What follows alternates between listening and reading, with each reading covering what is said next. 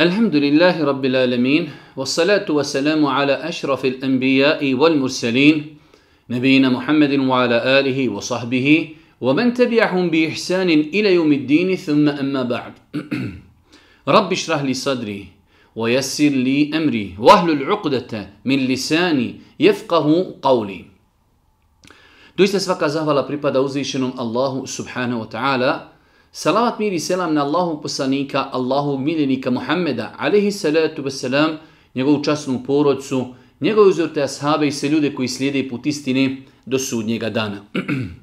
Uvažne braćo, poštovane sestre, uvaženi gledatelji, evo nas u još jednoj emisiji u kojoj se družimo sa komentarom odabrani kuranskih ajeta.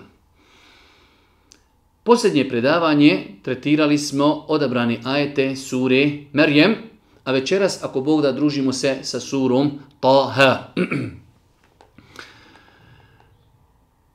Sura Taha u određenim hadisima Allah poslanik alihi salatu wasalam spomenuo je da je to jedna od tri sure u kojima se nalazi Allahovo subhanahu wa ta'ala najveličanstvenije ime. U određenim vjerodostojnim hadisima Allah poslanik alihi salatu wasalam spomenuo je da uzvišeni Allah tebareke ve taala ima jedno najveličanstvenije ime el ismu el a'zam najveličanstvenije ime za to ime Allahu poslanik ali se letu selam kazao iza du'i bihi ejab ako uzvišenog Allaha neko sa tim imenom doziva, Allah će mu se odazvati wa idha su ile bihi a'ta, a ako bude neko od Allaha sa tim imenom nešto tražio, Allah subhanahu wa ta'ala će mu dati to što je tražio.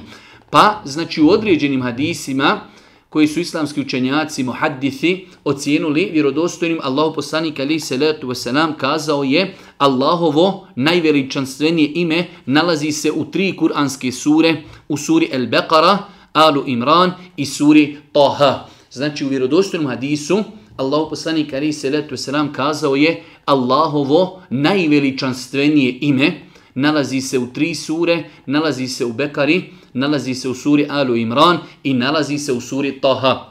Jedne prilike Allahu poslanik Ali Seletu Selam sjedio je sa svojim ashabima, a pored njih je bio čovjek koji je klanjao, pa je uputio Allahu subhanu wa ta'ala sljedeću dovu kazao je Allahumma inni es'eluke bi enne leke alhamd. La ilaha illa anta al-mannan. Bedi'u samavati wal ard. Ja zel jalali wal ikram. Ja hayu ja qayyum. Ovo je dova koju je čovjek ashab dovio, a Boži poslanik je slušao tu njegovu dovu, pa je Allahov poslanik osjetio u toj njegovoj dovi da je on spomenuo Allahovo najveličanstvenije ime, pa je kazao, Allahu poslanik alaihi salatu wasalam lekad da'a Allahe bismihi l'a'zam. Ovaj sada klanjač uputio je Allahu dovu sa njegovim najveličanstvenijim imenom i onda je kazao to ime kada neko sa njim dovi Allaha subhanahu wa ta'ala, on mu se odazove kada nešto traži, kada nešto traži uzvišenje Allaha subhanahu wa ta'ala mu to podari. Pa u svakom slučaju, znači lijepo je znati da sura Taha ima tu svoju e, odliku, a to je da se u njoj, kao što je spomenuto vjerodostojno hadisima, nalazi Allahovo najveličanstvenije ime, a opet korist poznavanja Allahovog najveličanstvenijeg imena jeste da insan, ako Allaha bude dovio i molio i tražio sa tim najveličanstvenim imenom, Allah će mu dati ono što traži i Allah će se odazvati e, njegovim dovama. mnoge knjige Siri i mnoge, e, mnoge knjige historije bilježe da je Omar radijallahu ta'ala anhu e, slušajući i čitajući ajete surije Taha primio islam. Jedan veliki islamski učenjak koji piše mnogo o historiji, Ekrem Dija El Umari, spomenuo je da postoje dvije priče kako je Omer radijallahu ta'alanu primio islam. Jedna je priča u kojoj stoji da je Omer bio e, pod zastorima Kijabe sklonjen, a Boži poslanik Ali Seletu Veselam je učio Kur'an, pa je zbog toga Omer primio Islam. A druga priča, mnogo poznatija, onaj slučaj kada je Omer radijallahu ta'ala krenuo da ubije Boži poslanika Ali Seletu Veselam, pa na tom putu je čuo da i njegova sestra primila Islam, pa je došao kod njih, pa je i nju i njegovog zeta e, znači malo maltretirao i išamarao, pa je našao kod njih e, list papir na kojem su bili zapisani određeni kuranski ajeti, pa kada ih je pročitao, on je primio islam, a to su bili ajeti surje Toha. U svakom slučaju, e, gledano s aspekta analize lanca prenosilaca, ova priča ili oba dvije ove priče nisu zabilježene vjerodostojnim lancem prenosilaca, ali Kao što kažu islamski učenjaci e, kad su u pitanju e, historija i događaj historije, ako u tim događajima nema nešto što govori o akidi, o halalu, o haramu, o propisima, nema smjetnje da insan i prihvatite određene događaje bez žestoke i precizne analize lanca prenosilaca, pogotovo što znamo da velik broj ashaba, velik broj ashaba, kao što navode historičari, primio je islam baš slušajući Kur'an, čitajući Kur'an, tako da e, nije daleko da je razlog primanja islama, Omerov razlog primanja islama bio da je čuo učenje Kur'ana ili da je pročitao ajete surije Taha, ali ono baš da odgovorno to čovjek tvrdi, to je već već malo teško.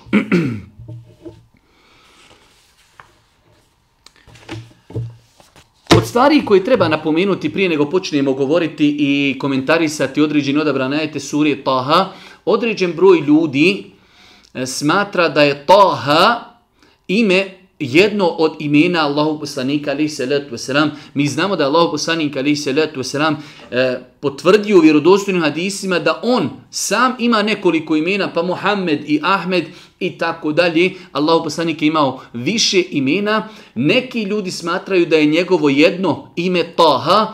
E, to ime spomenuto Taha, da je to ime Muhammed alaihi salatu wasalam spomenuto u hadisima koji su daif nisu vjerodostojni, tako da neispravno je pripisivati e, Allahom poslaniku, alihi salatu veselam, ovo, ovo ime.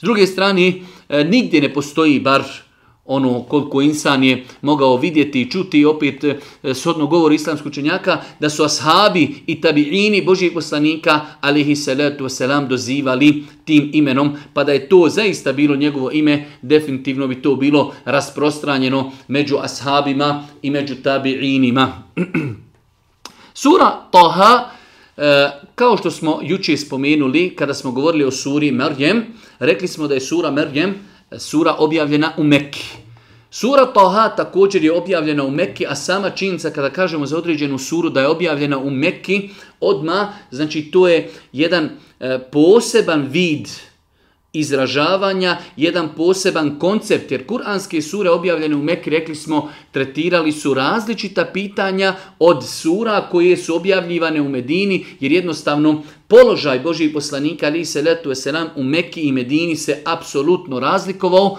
pa je e, objava u Mekki tretirala jednu tematiku, a objava u Medini je tretirala nešto drugo. Pa kažu islamski učenjaci, e, kada bi mogli rezimirati Šta su to temelji mekanske objave? Kažu islamski učenjaci, prva stvar jeste et-ta'rifu billah, upoznavanje sa Allahom subhanu wa ta'ala kroz njegova imena, kroz njegova svojstva, eh, kroz eh, znači znakove koji ukazuju na njegovu veličinu i tako dalje. Pa znači mekanski period je ciljao da ljude u tom periodu upozna sa njihovim gospodarom. Druga stvar jeste da se mnogo pažnije posvećuje dokazivanju istinitosti poslanici Muhammeda alaihi salatu wasalam, pošto ljudi nisu vjerovali da je Muhammed alaihi salatu wasalam poslanik, pa ajeti znači su išli u tom pravcu da dokazuju istinitost poslanice Muhammeda alaihi salatu wasalam. Treća stvar jeste e, dokazivanje da sam Kur'an i e, poslanica Muhammed alihi salatu wasalam je od uzvišenog Allaha subhanu wa ta'ala i da to nije nikakva izmišljotina i da to nije laž i na kraju poziva se mnogo, znači četvrti e, temelj na kojim se zasniva mekanska objava jeste e, pojašnjavanje da će ljudi biti usmrćeni, da će biti proživljeni, da ima dan polaganja računa, sudnji dan. Znači, e, pozivanje ljudi da vjeruju u smrt, u proživljenje i polaganje računa na sudnjem danu. Za razliku od, rekli smo, e, medinske objave koja je mnogo, mnogo pažnije posvećivala propisima, propisi halala, propisi harama, naredbe i tako, i tako dalje.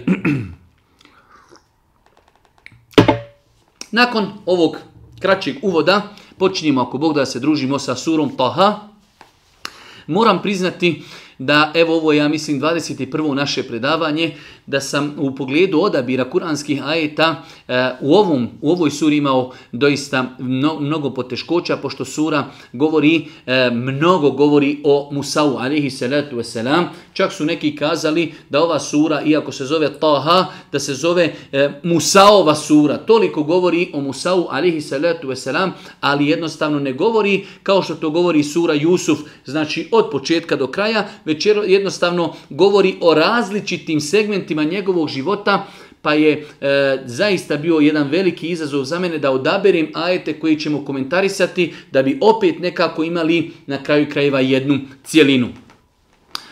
U prvih nekoliko ajeta Allah Đeršanhu započinje suru Taha pa kaže Taha ma enzelna alike l'Qur'ane li teška illa tevkirate limen jahša Taha. Rekli smo da imamo više kuranskih sura koje počinju sa imenima arapskih slova. Imali smo Bekaru, Elif, La, Mim, imali smo Alu, Imran, Elif, La, Mim i tako dalje. Imali smo jučer suru Merjem, Kaf, Ha, Ja, Ain, Sad i još nekoliko kuranskih sura koje počinju sa imenima slova arapskih.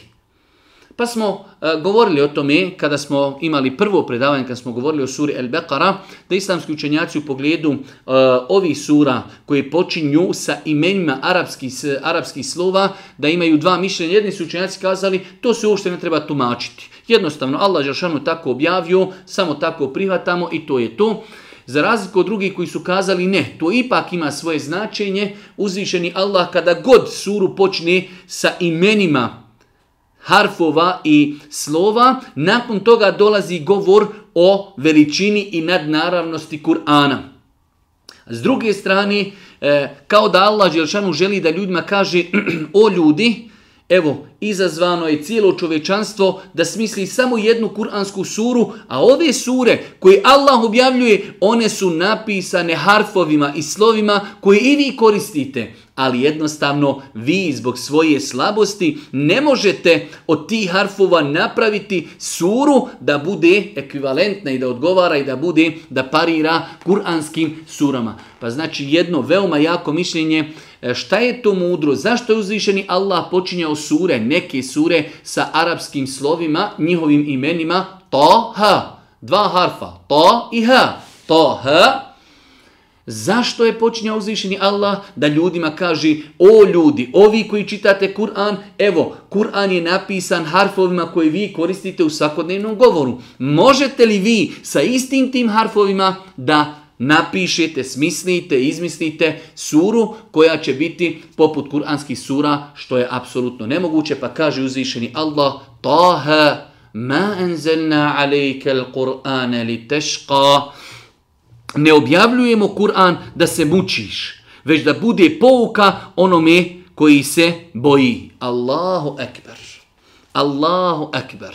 jedno veliko pravilo kuransko ma enzelna alejke il Kur'ane li teška o Muhammede O čovječanstvo, o ljudi, mi vam ne objavljujemo Kur'an da bi vam otežali, da biste bili nesretni. Mi vam objavljujemo Kur'an da bi se upozorili, da bi se odgojili, da biste bili sretni, da biste bili zadovoljni. Vjera, velik broj ljudi ima problem u današnje vrijeme kada kažeš čovjek, musliman, praktikuje vjeru, žena pokrivena, čovjek klanja, velik broj ljudi kao To je nešto teško. Kako je njemu, jadniku, siromah i tako dalje. Ljudi smatraju da je prakticirati vjeru nešto teško, da je to nesreća i tako dalje. Ma enzelna alike il Kur'ane li teško.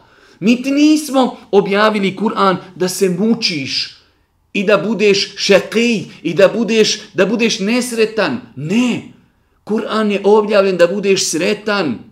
من عمل صالحا من ذكر أو أنثى وهو مؤمن فلنحيينه حياة طيبة ko bude radio dobra djela, bio muško ili žensko, a on je vjernik, da ćemo mu da proživi lijep, sretan, zadovoljan život. Pa je vjera u Allaha ta koja čini čovjeka sretnim, zadovoljnim, uspješnim pa je neispravna percepcija, neispravno je svatanje da je vjera tu da čovjeku oteža. Kada bi sada počeli govoriti samo o olakšicama vjeri, kada bi počeli govoriti o ljepotama vjeri, kada bi e, počeli govoriti koliko vjera štiti čovjeka, njegov imetak, njegovu čast i tako dalje, pa je vjera došla da usreći čovječanstvo, da olakša čovječanstvu, da izvuče ljude iz tmina, grijeha i dolaleta, zabluda. Allahu waliyu alladhina amanu yukhrijuhum min adh-dhulumati ila an-nur. Allah je wali, Allah je štitnik vjernika. Izvodi ih tmine, balaleta i zablude na svjetlo upute. Pa je to cilj vjere. Cilj vjere je da ljudi iziđu na put upute daleko od grijeha, daleko od nemorala, daleko od nepravde, daleko od, od nepokornosti uzvišenom Allahu subhanahu wa ta'ala i svemu daleko od svega onoga što njima šteti, pa je vjera zbog nas da nas usreći, da nam olakša. Mi smo sebi otežali život, ali baš smo ga otežali onda kada smo se odaljili od Allaha i kada smo se odaljili od njegove upute. Pa je Kur'an, sunnet Božijeg poslanika tu da nas usreći, da nam olakša, nikako da se mučimo i nikako da budemo nesretni. Pa je ovo kada noćas ne bi naučili ništa drugo osim ovaj ajet. Ma anzelna alejke l'Qur'an li teška. Mi ti Kur'an ne objavljujemo da ti bude teško kao poteškoća. Ne, ne. Kaže uzvišeni Allah subhanahu wa ta'ala Ma enzella lijeke l'Quran li teška illa tevkirate li men jahša ne objavljujemo ti Kur'an da bi se mučio, da ti bude teško, već da bude pouka onome ko se boji, da bude pouka. Vjernik treba da uzme pouku iz svega što se dešava, iz svakog ajeta, iz svakog propisa li men jahša. Onome ko se boji Boga, onome ko bi, vjeruje u sudnji dan, on će se okoristiti Kur'anom. Onome ko vjeruje u Allaha, ko vjeruje u polaganje računa, ko vjeruje u sudnji dan, ko vjeruje u kabur, ko vjeruje da će za svaku sekundu svoga života polagati račun, za svaku trunkicu dobra čovjek će odgovarati ili dobro ili zlo na sudnjem danu pa je ovo jedan veličanstven ajet kojim je Allah Žešan započeo suru Taha, Ma anzelna alejke al-Qur'an li teška, Kur'an ti nismo objavili da bi se mučio, već je objavljen da bude pouka onima koji se gospodara svoga, gospodara svoga boji. Nastavlja uzvišeni Allah pa kaže, objavljuje ga stvoritelj zemlje i nebesa. Kur'an je Allahov govor. Objavljuje ga onaj koji je stvorio zemlju i nebesa. Allahu Ekber. Kada bi insan tako pristupao Kur'anu, Kur'an je apsolutna istina. Zašto? Jer je to govor onoga koji stvorio i zemlju i nebesa zna šta je na nebu, šta je na zemlji, šta je pod zemljom, sve to uzvišeni zna, pa je njegov govor najistiniti govor. Ma enzelna alike Kur'an ili teška, illa tevkirate limen jahša, Kur'an je objavljen kao opomena onome ko se boji, koga objavljuje? Objavljuje ga stvoritelj zemlje i nebesa visokih, Ar-Rahmanu, alel arši steva, milostivi, milostivi, koji se nad aršom uzvisio, milostivi, koji se nad aršom uzvisio. Ovdje dolazi neminovno u ovom ajetu da se spomeni ona poznato pitanje u islamu, a to je gdje je uzvišeni Allah? Nažalost, mi imamo ljudi koji polemišu oko tog toliko jednostavnog pitanja. Jedne prilike, jedan ashab je imao ženu, e, žena kao sluškinja, žena kao robinja, koja mu je čuvala ovce pa je jednog dana došao vuk, pojeo jednu ovcu, odnio ovcu, pa se on naljutio i udario je toj svojoj slušci, sluškinji ili robinji šamar. Pa je došao kod Božijeg poslanika, tražio je odgovor, tražio je fetu, želio je da je oslobodi, pa kaže Božiji poslanik, dovedi je, dovedi da je pitam. Pa kaže Allah poslanik, ali salatu wasalam, ejn Allah, gdje je Allah? Robinja, žena, pod navnim znacima, u nekoj našoj današnjoj, eh, današnjoj, današnjim razumijevanju stvari, nepismena žena u pustinji čuva ovce. Kaže, ejna Allah. Kaže, fisema, na nebu. Toliko jednostavno pitanje. Na nebu, ar-Rahmanu, alel arši steva, uzvišeni Allah, milostivi se, uzvisio iznad svoga arša. Kaže Allah poslanik toj e, robinji, men ene, ko sam ja? Kaže, Rasulullah, ti si poslanik. Poslanik kaže, pusti, oslobodi je, ona je mu'minka, Allahu ekber, žena iz pustinje, žena čuva ovce, kaže, Allah je na nebesima, Allahu poslanik to odobrio i dođe vam, dođe vam neko ko za sebe tvrdi da ima ilm i znanje, ne, ne, ne, Allah je, kaže, svugdje oko nas, Allah je svugdje oko nas, ne uzubillah, Allah je svugdje oko nas, ne, Pa je odgovor na pitanje gdje je Allah, uzvišeni Allah je iznad sedmog neba, uzvisio se iznad svoga arša. To je ispravno razumijevanje tog pitanja koje su znali pastiri iz vremena Božijeg poslanika, alihi salatu wasalam. Kaže uzvišeni Allah, njegovo je što je na nebesima i što je na zemlji i što je između njih i što je pod zemljom. Nakon što je rekao ko je taj ko objavljuje Kur'an? Objavljuje ga stvoritelj zemlje i nebesa. Nakon toga kaže uzvišeni Allah njegovo je što je na nebesima i što je na zemlji i što je između njih i što je pod zemljom. Sve je njegovo, mi, naša tijela, naš novac, naša porodica, naše auto, naša kuća, naša imovina, to nije naše. To je Allahovo. Lehu ma fisse ma wati wa ma fil ard. Njegovo je sve što je na zemlji i na nebesima. To je nama dato da se vidi kako ćemo se ponašati. Naše tijelo je emanet. Ne može se čovjek poigravati sa tijelom. Ne može čovjek praviti plastičnu operaciju ako zatim nema potrebe. Zašto? Jer je to njegovo tijelo emanet za koje će odgovarati na sudnjem danu. Sve je Allahovo. Allahovo. Sve je od uzvišenog Allaha subhanahu wa ta'ala. Ako se ti glasno moliš, pa on zna i šta e, drugom tajno rekneš i što smo i što samo pomisliš. Allah zna ono što tajno govoriš. Allah zna ono što u sebi pomisliš. Allahu ekber. Allahovo znanje je toliko da znaš šta glasno govoriš, šta tiho govoriš i znaš šta je u grudima našim. Šta smo pomislili, to uzvišeni Allah subhanahu wa ta'ala zna. Allah, drugog Boga osim njega nema, najljepša imena ima. Lehu el esma'ul husna. Allah, drugog Boga osim njega nema, najljepša imena ima.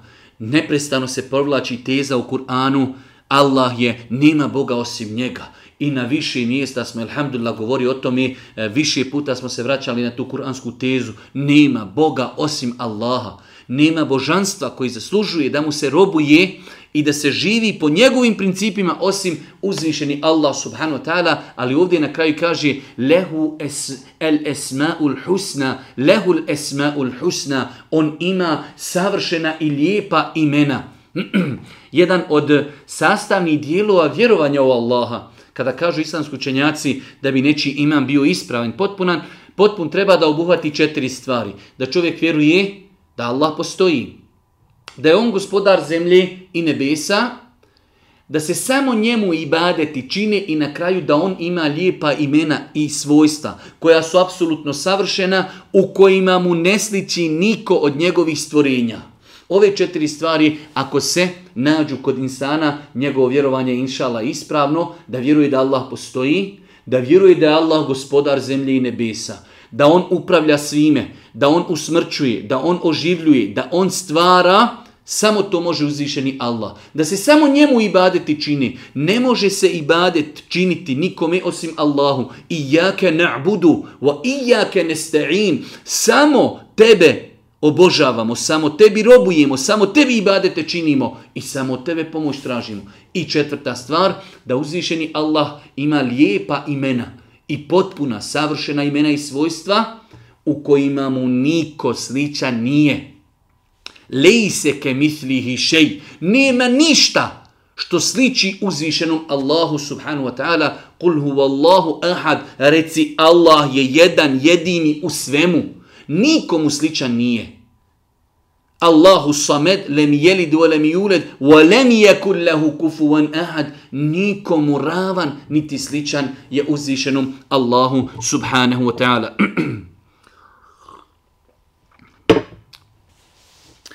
Imam Malik rahmetullahi alihi koji živi u Medini, poznati alim kako ga zovu uh, Darul Hijri, postavio jedno veliko pravilo kada su u pitanju atributi vezani za uzvišnjog Allaha subhanahu wa ta'ala pa je kazao kada su ga pitali ovom terminu Ar-Rahmanu ala l'arši steva uzvišeni Allah Ar-Rahman iznad arša se uzvisio. Kaže, pitali su Malika ovaj istiva. Šta je taj istiva? Pa kaže, ima Malik el istiva u ma'lum.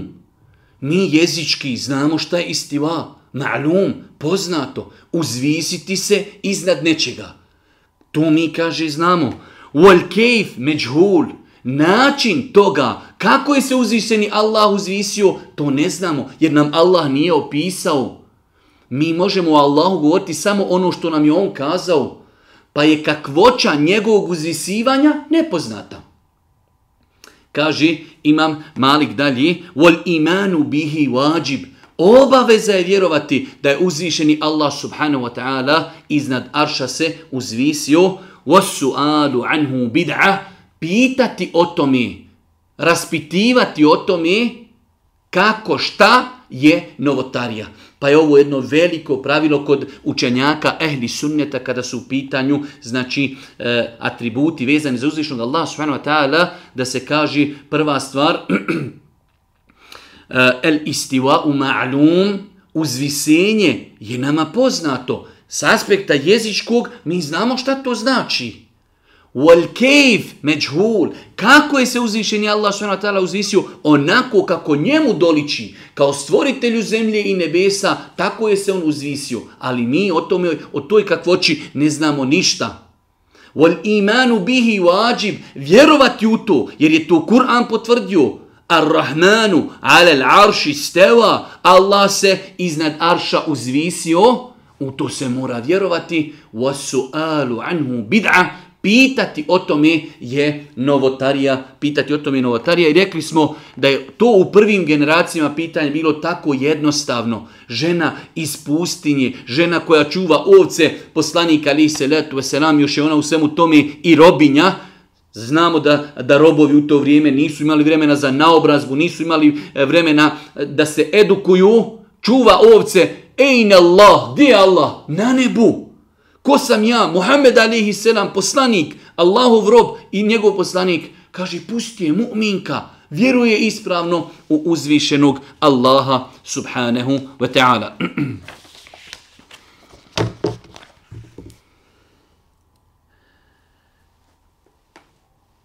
Nakon toga, uzvišnji Allah subhanahu wa ta'ala počinje govoriti o Musa'u alaihi salatu wasalam od devetog ajeta pa nadalje. وَهَلْ أَتَاكَ حَدِيثُ مُوسَ إِذْ رَأَ نَارًا فَقَالَ لِأَهْلِهِمْ كُثُ إِنِّي آنَسْتُ نَارًا A da li je do tebe doprla vijest o Musa'u kada je vatru ugledao pa čeljad svoju rekao ostanite vi tu, ja sam vatru vidio, možda ću vam nekakvu glavinju donijeti ili ću pored dva, tri naći nekoga ko će mi put pokazati. Musa ali se letu veselam kao što je poznato, imao je problem u svome narodu, ubio je čovjeka, pa je otišao u Medijen. I o tome, o, o tome nam Kur'an govori, neki kažu da je to bilo kod njegovog punca Šuajba, da li je Šuajb ili nije, to ne znamo, ali je poznato da je Musa a.s. u Medijenu ostao 10 godina, znači kod svoga punca, e, pomažući mu njegovim poslovima, čuvanju stoke i oženio je njegovu jednu čirku. Kada je ispunio ono što je sa njim dogovorio, krenuo je ponovo da se vrati u Egipat, Na tom putu je se pogubio, pa kaže Musa alihi salatu wasalam svojoj porodici, ostanite vi tu, ja sam vatru vidio, možda ću vam neku glavnju donijeti. Vidio je tamo vatru, idem, ako ništa donijeću glavnju, pa da i mi sebi vatru naložimo, ili ću naći, kaže, nekog ko će mi ukazati, jer većinom ako ima vatra, ima neko oko vatre, pa će mi kazati u kojem pravcu treba da idem. A kad do nje dođe nekoga zovnu, o Musa, ja sam u istinu gospodar tvoj. Allah Đerešanu doziva i razgovara sa Musaom i to je poznato, znači, kuranska teza i to je odlika Musa, alihi salatu wasalam, kelimullah, da je on taj koji je direktno razgovarao sa Musaom i to je jedna od najvećih odlika koja se spominje za Musa alihi salatu wasalam da je on direktno razgovarao sa uzvišenim Allahom subhanu wa ta'ala, a svakako ovdje e, i pripisujemo svojstvo govora uzvišenom Allahu subhanahu wa ta'ala, pa kaže kada do nje, do vatrije dođe nekoga zovnu, zovnu ga je njegov gospodar, o Musa, ja sam u istinu gospodar tvoj. Izuj za tu obuću svoju, ti si doista u blagoslovljenoj dolini Tuvam. Tebe sam izabrao i odabrao zato ono što ti se objavljuje slušaj. Tebe sam odabrao, izabrao sam te od toliko naroda koji sada živi, odabrao sam te, da budeš poslanik, da budeš neko ko će nositi baklju istine, kome će se objavljivati i Musa ali se letu veseram ne samo da je odabran da bude poslanik, on je u, u, ušao u najuži krug odabranih Allahovi tebara kvetala robova, a to su takozvani pet poslanika ulul azm. Jedan od njih je i Musa alaihi salatu wasalam. I sjećamo se kada smo uh, govorili u suri El Isra, da Allah poslanik alihi salatu wasalam sreo je Musa alihi salatu wasalam kada se je uzdigao iznad sedmog neba pa ga je sreo pa kada mu je uzvišeni Allah propisao 50 namaza kada je počeo da se vraća kada je počeo da se vraća došao je do Musa kada mu je rekao inni jarrabtu nas ja sam živio s ljudima neće tvoj narod moć neće tvoj moć narod izdržati 50 namaza traži od gospodara da vam olakša Pa hvala Allahu, na nagovor Musa, alihi salatu wasalam, mi danas klanjamo pet namaza, a kod uzvišnog Allah, subhanahu wa ta'ala, je to 50 namaza. Pa ovdje dolazi do direktnog razgovora između Musa, alihi salatu wasalam, i njegovog gospodara. Tebe sam odabrao i izabrao zato ono što ti se objavljuje slušaj. Ja sam u istinu Allah. Drugog Boga osim mene nema, zato se samo meni klanjaj, samo meni robuj i molitvu obavljaj da bih ti uvijek na umu bio. Opet kuranska teza, mi uvijek to ponavljamo, nažalost velik broj ljudi to ne zna, Allah Đeršanu je slao poslanike, svi poslanici su od Allaha. Ne može niko drugi nekog odabrati da bude poslanik osim uzvišeni Allah.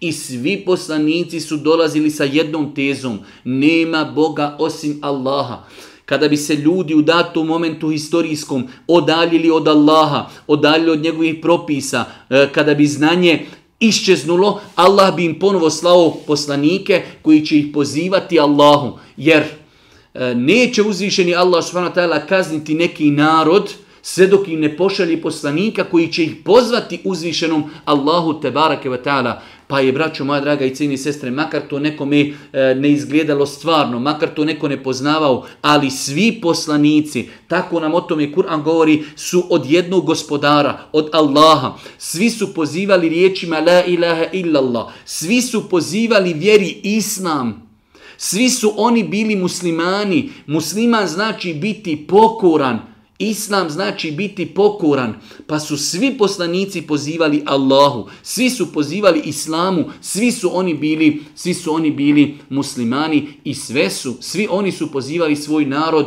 la ilaha illa Allah. Nema boga osim Allaha. Nemojte robovati kipovima i nemojte obožavati bilo šta drugo mimo uzvišenog Allaha subhanahu wa taala. Da, oni su svi imali svoje šerijate kada su u pitanju propisi. Propisi koji odgovaraju vremenu i prostoru u kojem su oni živjeli. Ali akida, vjerovanje, dogma, svi su pozivali u istu stvar. Svi su pozivali u istu stvar, pa kaže uzvišeni Allah, ja sam u istinu Allah, drugog Boga osim mene nema. Zato se samo meni klanjaj. وأنا اخترتك فاستمع لما يوها إنني أنا الله لا إله إلا أنا فاعبدني فاعبدني لا إله إلا أنا نيم بوغا أسم الله فاعبدني مني ربوي مني سمو إبادة تشيني مني بودي بوكوران pa je ovo srž Ovo je najbitnija kuranska teza. Nema Boga osim Allaha. Nema božanstva koji zaslužuje da mu se čini seđda, da mu se čini namaz, da mu se ibadeti posvećuju osim uzvišeni Allah subhanahu wa ta'ala.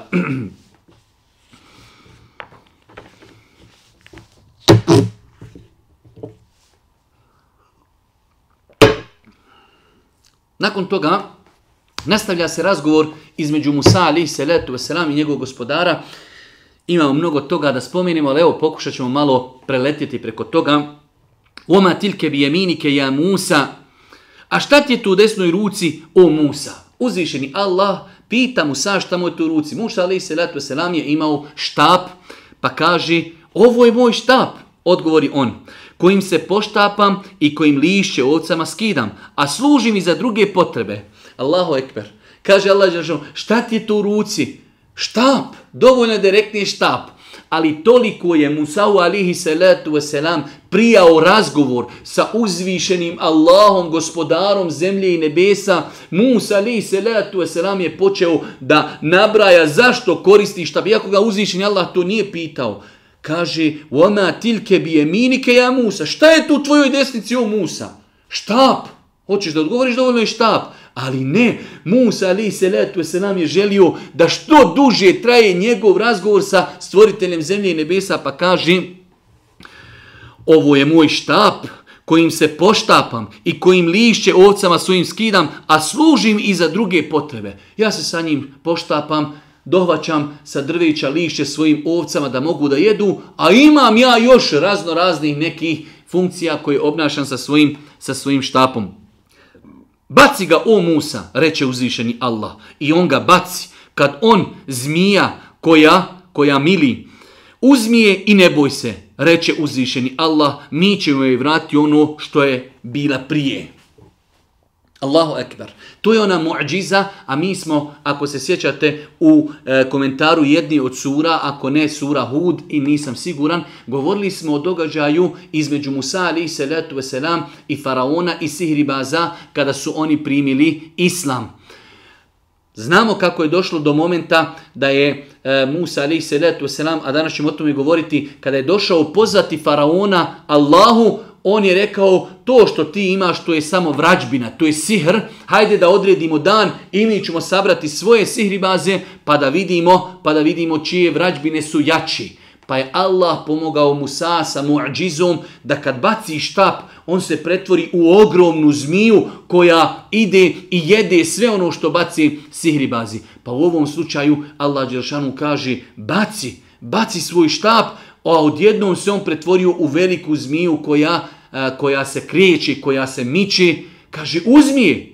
Iako se Musa ali se letu, je se nam, kao što navodim u Fesiri, pripao, kako da uzmem, pa je stavio ruku u, u odjeću, zamotao, a uzvišeni Allah kaže, uzmi je, ona će se vratiti u prvobitno stanje, opet će postati štap.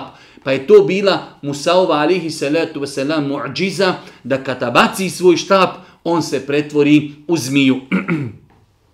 Svakako, mi smo o tome više puta govorili da uzvišnji Allah tebara kvetala pomagao svoje poslanike, e, znači razno raznim muđizama, kako bi ljudi koji oni pozivaju Allahu te barakatala vidjeli da su te stvari nadnaravne i da bi im povjerovali da su oni od uzvišnog Allaha, Muhammed alihi salatu wasalam je imao desetine, ako ne i stotine muđiza, čak islamski učenjaci su znali napisati zasebna dijela u kojima su pisali o muđizama Allahu poslanika, znamo da je jedna od najvećih muđiza Božih poslanika da je se mjesec raspolovio onda kada su to od njega tražili kurešije i mnogi mnoge druge muđize Boži poslanika alaihi salatu wasalam, pa je muđiza Musa alaihi salatu wasalam bila da je kada bi bacio svoj štap, on bi se pretvarao, pretvarao bi se u zmiju.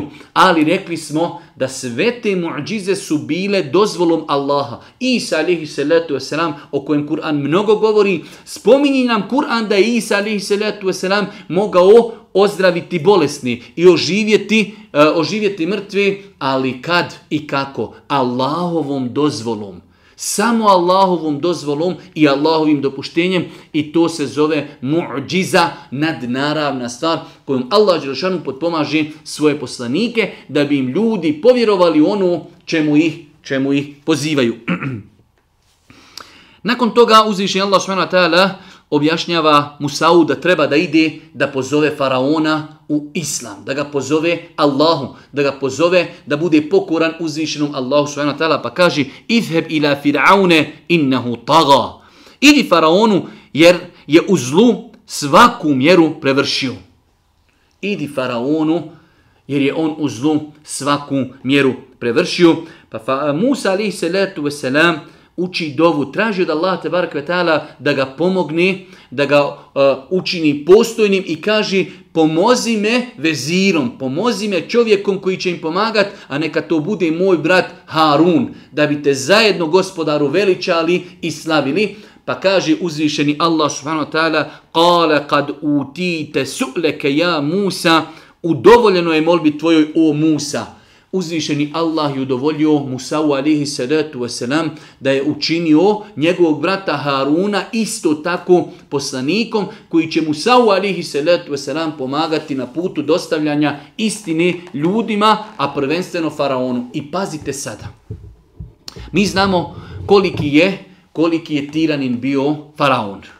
Do te mjeri da je on za sebe ljudima govorio ene rabbukumul e'la, ja sam vaš gospodar, ja, nemate vi Boga osim mene. Kada su sihribazi primili islam, pokorili se Allahu, kaže, zar vi vjerujete u Boga, a ja vam nisam dao dozvolu. Znači, jednostavno, to je bila e, tolika tiranija da ljudi ne smiju kazati da vjeruju u uzvišenog Allaha. Kaže uzvišeni Allah sada njima dvojci, Harunu i Musa'u alihi salatu wasalam, idheba, dvojica, dvojina, izheba ila Firaune innehu taga, fe kula lehu kaulen lejinen, leallehu je te zekeru eu jahša, idite vas dvojica Faraonu. On se doista osolio, osilio. Pa mu blagim riječima govorite, ne bi li razmislio i ne bi li se pobojao. Allahu ekber. Allahu ekber. Kada danas ne bi ništa drugo naučili osim ovom.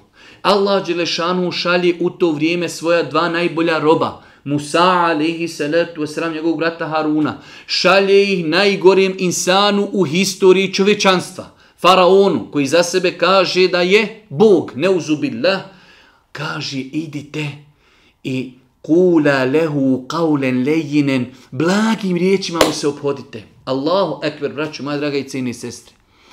Je li e, moguće da čujem ovaj ajet, a da ne svatimo njegovu pouku i poruku. Allah Želšanu traži od nas da kada ljude pozivamo u islam, da to radimo blagim, eh, blagim eh, tonom, da na lijep način. Allah poslanik ali se letu sram, kao što je došlo u vjerodosim hadisima, eh, kada god bi mogao birati između dvije stvari, izabirao bi ono koja je blaža, koja je mekša, koja je ljepša. Kaže Allah poslanik, nikada nije blagost bila u nečemu, a da nije to uljepšala a nikada nije bila uskraćena u nečemu, a da to nije unakazila. Pa je osnova vjerije, blagost, osmijeh, pomoć, blagost, lijepa riječ, osmijeh na licu. To je vjera Islam i to je vjera svih poslanika. Idite Faraonu, govorite mu blagim riječima, možda to bude razlog da privati istinu. Ko je privatio istinu što je neko za njega, na njega zagalamio, što je ga neko udario, što ga je neko opsovao? Nemoguće. Neće ljudi privatiti istinu, makar ona bila toliko jasna, ako im je ne predstavimo na lijep način. Udru ila se bili rabike bil hikmeti wal mau'izati l'hasene. Na Allahov put i Allahu pozivajte bil hikmeti mudro wal mau'izati l'hasene. hasene lijepim vazom, na lijep način, lijepom metodom, وَقُولَ لَهُ قَوْلًا لَيِّنَا Recite faraonu blago, lijepo, lagano, smireno, emotivno. Zašto? Kaže uzvišeni Allah subhanahu wa ta'ala لَعَلَّهُ يَتَذَكَّرُ أَوْ يَحْشَا Ne bi li razmislio? Ne bi li se pobojao? Možda to dođe do njegovog srca. Allahu ekber. Drugi ders, druga korist koju možemo naučiti iz ovog ajeta. Ne smijemo ni u koga gubiti nadu. Čovjek pijanica, čovjek kriminalac, čovjek e, počinio sve grijehe. Ne gubi nadu. Možda ga Allah uputi. Ako je uzvišeni Allah poslao Musa'a, i Haruna, dva najbolja roba u tom vremenu koja su živjela, poslao ih najgorem robu da ga pozovu, leallehu, možda, možda se vrati, možda se pokaje, Allahu ekber, zar mi da ne pokušamo pozvati prijatelja, rođaka, poznanika, komšiju na lijep način, blago, mudro, savjetom, osmijehom, poklonom, Allahu ekber, pa nas ovaj ajet uči dvije ogromne, velike, velike stvari, a to je moramo biti blagi, moramo biti mudri i druga stvar, ne smijemo gubiti nadu bilo ko. Omar radijallahu ta'ala nu je takav bio da su ljudi znali kazati prije će Omerov magarac primiti islam nego Omer. Ali subhanallah il azim, kada je Allahu poslaniku putio za njega dovu, Allah je otvorio njegovo srce. Pa insan ne zna, kroz historiju se je pokazalo, sada, historija koju mi živimo, ljudi koji su snimali filmove o poslaniku, vrijeđajući poslanika, spaljivali Kur'an, izučavajući Kur'an, javno dođu i kažu, la ilaha illallah, Muhammedu Rasulullah, spoznali smo istinu, ne stidimo se nikoga, ne bojimo se nikoga, vraćamo se Allahu, poput onih sihribaza iz vremena Faraona. Pa, braćo moja draga, čovjek ne smije gubiti nadu kada je u pitanju otac ili majka ili komšija ili kolega ili prijatelj. Nikada ne gubite nadu, na nama je da poduzmimo šta možemo, na lijep način, blago, mudro, sa osmijehom, na ispravan način. Nakon toga uputa je od uzvišenog Allaha subhanahu wa ta'ala.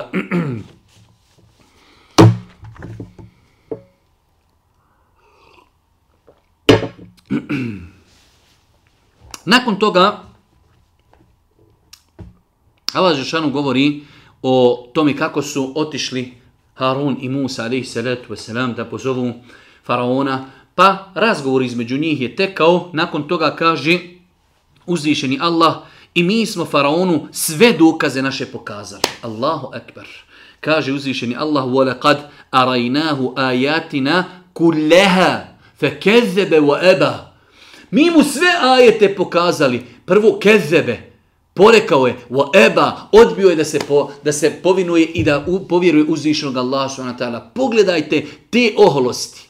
Zato je i bilo kada je kada je e, Musa alejhi selam prošao sa svojim narodom kroz more koje se raspuklo kada je faraon ušao sa svojom vojskom za njima, kada je počeo da se tuši, Džibril alaih selam je uzeo blata i gurnuo mu usta da ne bi slučajno, da ne bi slučajno rekao la ilaha illallah, da ne bi ga Allahova milost stigla. Pogledajte koji je to inađija, pogledajte koji je to kibur i oholost, kaže uzvišeni Allah, mi smo mu sve ajete pokazali. Pa je on porekao i odbio da se, da se pokori, pa kaže nakon toga, Zar si došao da nas pomoću vrađbine svoje i zemlje naše izvedeš u Musa? Pogledajte. Ista stvar za Mohameda su govorili Sihribaz, pjesnik, lažov i tako dalje. Kako se historija ponavlja? I danas dan isto ćete vidjeti kako mediji ponavljaju te otrcane fraze, kako ljude koji praktikuju vjeru, kako ih etiketiraju. Pa pogledajte, faraona kaže Musau, zar si došao da nas pomoću vrađbine svoje iz zemlje naše izvedeš? O Musa, upitao je. I mi ćemo tebi vrađbinu, sličnu ovoj, doista pripremiti. Zakaži nam ročište, koga ćemo se i mi i ti pridržavati onako kako dogovorimo i nama i tebi. Neka ročište bude prazni, kreće Musa i neka se narod izjutra sakupi. Hajde, kaži, napravi termin, daj, i mi ćemo sakupiti sihribaze, pa da i mi tebi pokažemo šta mi možemo, daj ročište, neka to, kaže, bude dan kada se ljudi uljepšavaju, neka to bude bajram i neka se ljudi zajutra okupi, pa je, znači, rekli smo da uzvišeni Allah o Musau, i njegovom događaju sa faraonom govori možda na 5-6 različitih mjesta u Kur'anu. Da bi čovjek dobio potpunu sliku šta se sve desilo, treba da sve te ajete sakupi, da ih sve porijeda, pa da dobije, znači, dobije potpunu sliku šta se desilo. Ovdje samo uzvišnji Allah s.w.t. govori o ovim pitanjima, o drugim pitanjima smo mi govorili na drugom mjestu.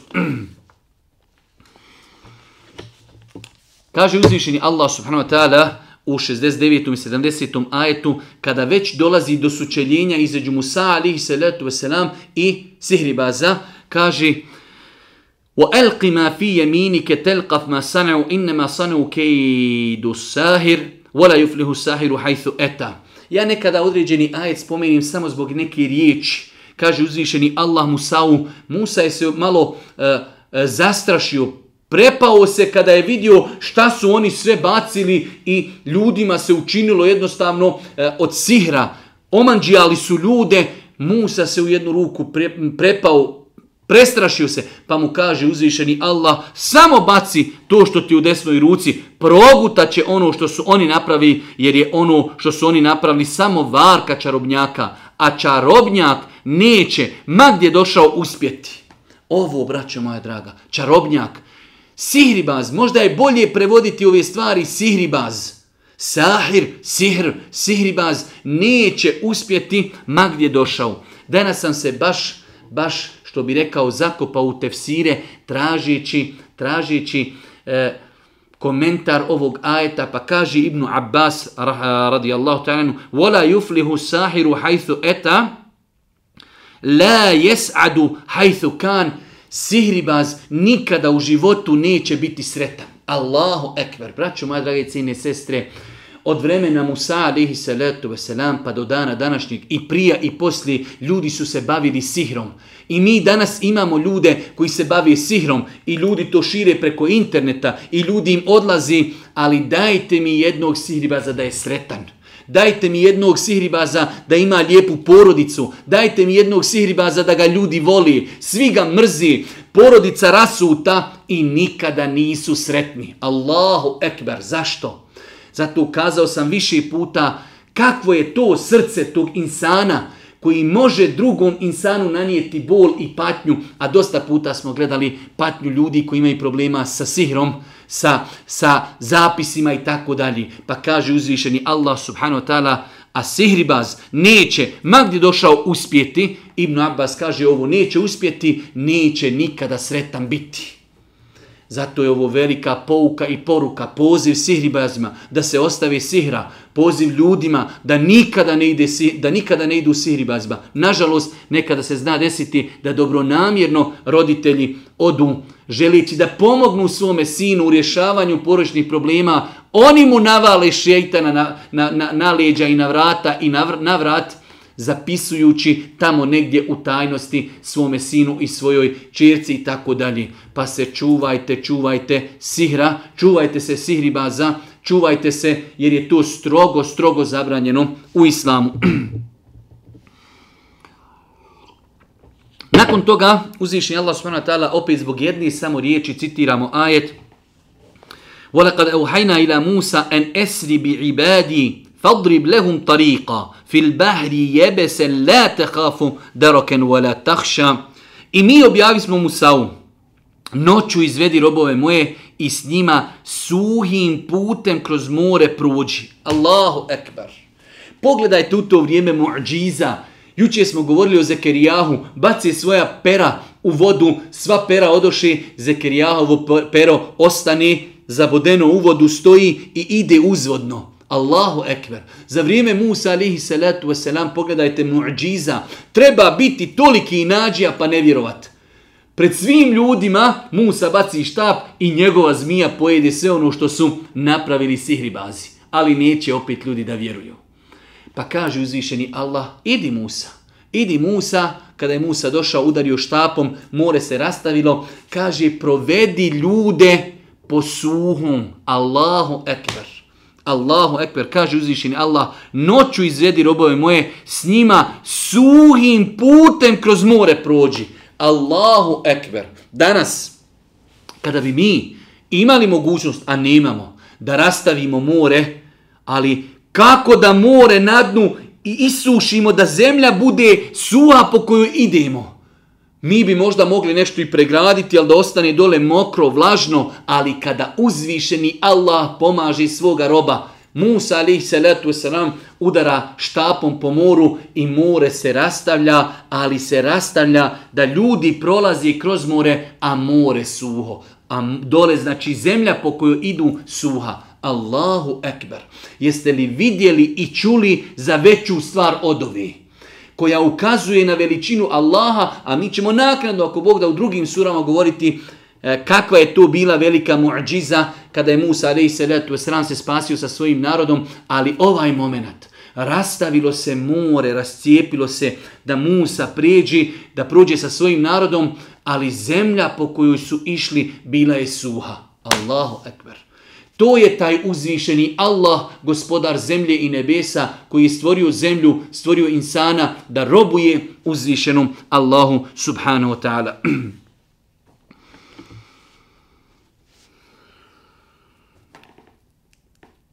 Nakon toga, pošto nemamo, e, imamo događaj Musa alaihi salatu wasalam kada je otišao e, kod uzvišenog Allaha subhanahu wa ta'ala, pa imamo događaj koji se desio e, Eh, sa koji se desio e, sa Iblisom E, sve to govori se u suri Taha, evo ja sam to sve bio pripremio, ali bojim se da će nam predavanje e, biti duže nego što je otprilike, e, znači običaj da bude sahat vremena, pa rekli smo čitajte suru Taha, čitajte Tefsir ibn Kefira, ali evo mi ćemo još dva ajeta ili dvije cijeline iz suri Taha prokomentarisati do kraja. Znači imali smo plan da govorimo o događaju kako je Iblis zaveo Adem alaihi salatu veselam i njegovu suprugu, E, mnogo interesantan događaj, ali e, o tome smo već jednom govorili, ali ovdje u ovom događaju suri Taha spomenute su, spomenute su određene veoma bitne posebnosti, ali zbog skućenosti s vremenom,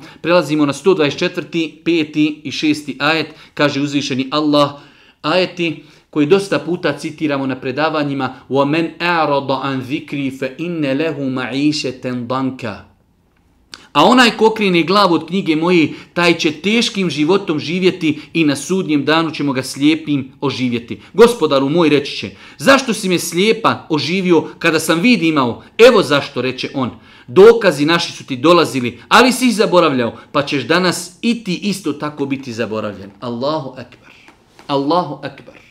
وَمَنْ أَعْرَضَ عَنْ ذِكْرِي Ko okrene glavu od Kur'ana, ko živi život, A taj život nije uskađen sa kuranskim smjernicama. Kur'an je na polici, Kur'an nije u praksi. Muhammed Ali Selam kada su pitali Aishu kakav je bio njegov ahlak, kaže njegov ahlak je bio Kur'an. To je bio Kur'an koji hodi. To se od nas traži da živimo Kur'an. Wa men arada an zikri. Ko okrene glavu od Kur'ana. Kur'an ovdje mi okrenuli glavu. Ne živimo po njemu, ne učimo Kur'an, ne praktikujemo Kur'an. Kur'an. Kaže uzvišeni Allah, ko okrene glavu od knjige moje, teškim životom, Allahu ekber. Čak mu fesiri kažu, može insan imati mnogo imetka, ali nije sretan, zato što ne zna zašto je stvoren. Allah obećaje ko okrene glavu od knjige moje, teškim, izuzetno iscrpnim životom će živjeti. Jedna kazna, dunjalučka. I ne treba insanu veći problem. Danas kada imamo probleme, Ako želimo da se preispitujemo, počnimo od sebe. Onog momenta kada vidite da nam ne ide u životu, prvo počnimo od sebe. Gdje smo mi naspram Kur'ana? Ko okreni glavu od knjige moje, teškim će životom živjeti. Allahu ekber. Koliko puta me nazovu ljudi, šej, imam problem, ne znam više šta ću. Ama brate, gdje je tvoj život i Kur'an? Koliko dnevno učiš Kur'an? Koliko praktikuješ Kur'an? Koliko živiš sa Kur'anom? Koliko ljude pozivaš Kur'anu? I tako dalje. Pa je prva kazna Dunjalučka. Teškim životom će živjeti. Druga kazna, na sudnjem danu ćemo ga slijepim proživjeti. Čovjek se čudi na sudnjem danu. Ja rab, pa na Dunjalu kad sam imao oči, šta je sad ovo? Kaže, tako su tebi dolazili ajeti naši upozorenja, smjernice, propisi, pa si ti to nisi vidio, zaboravljio si, tako ćemo i mi tebe danas zaboraviti.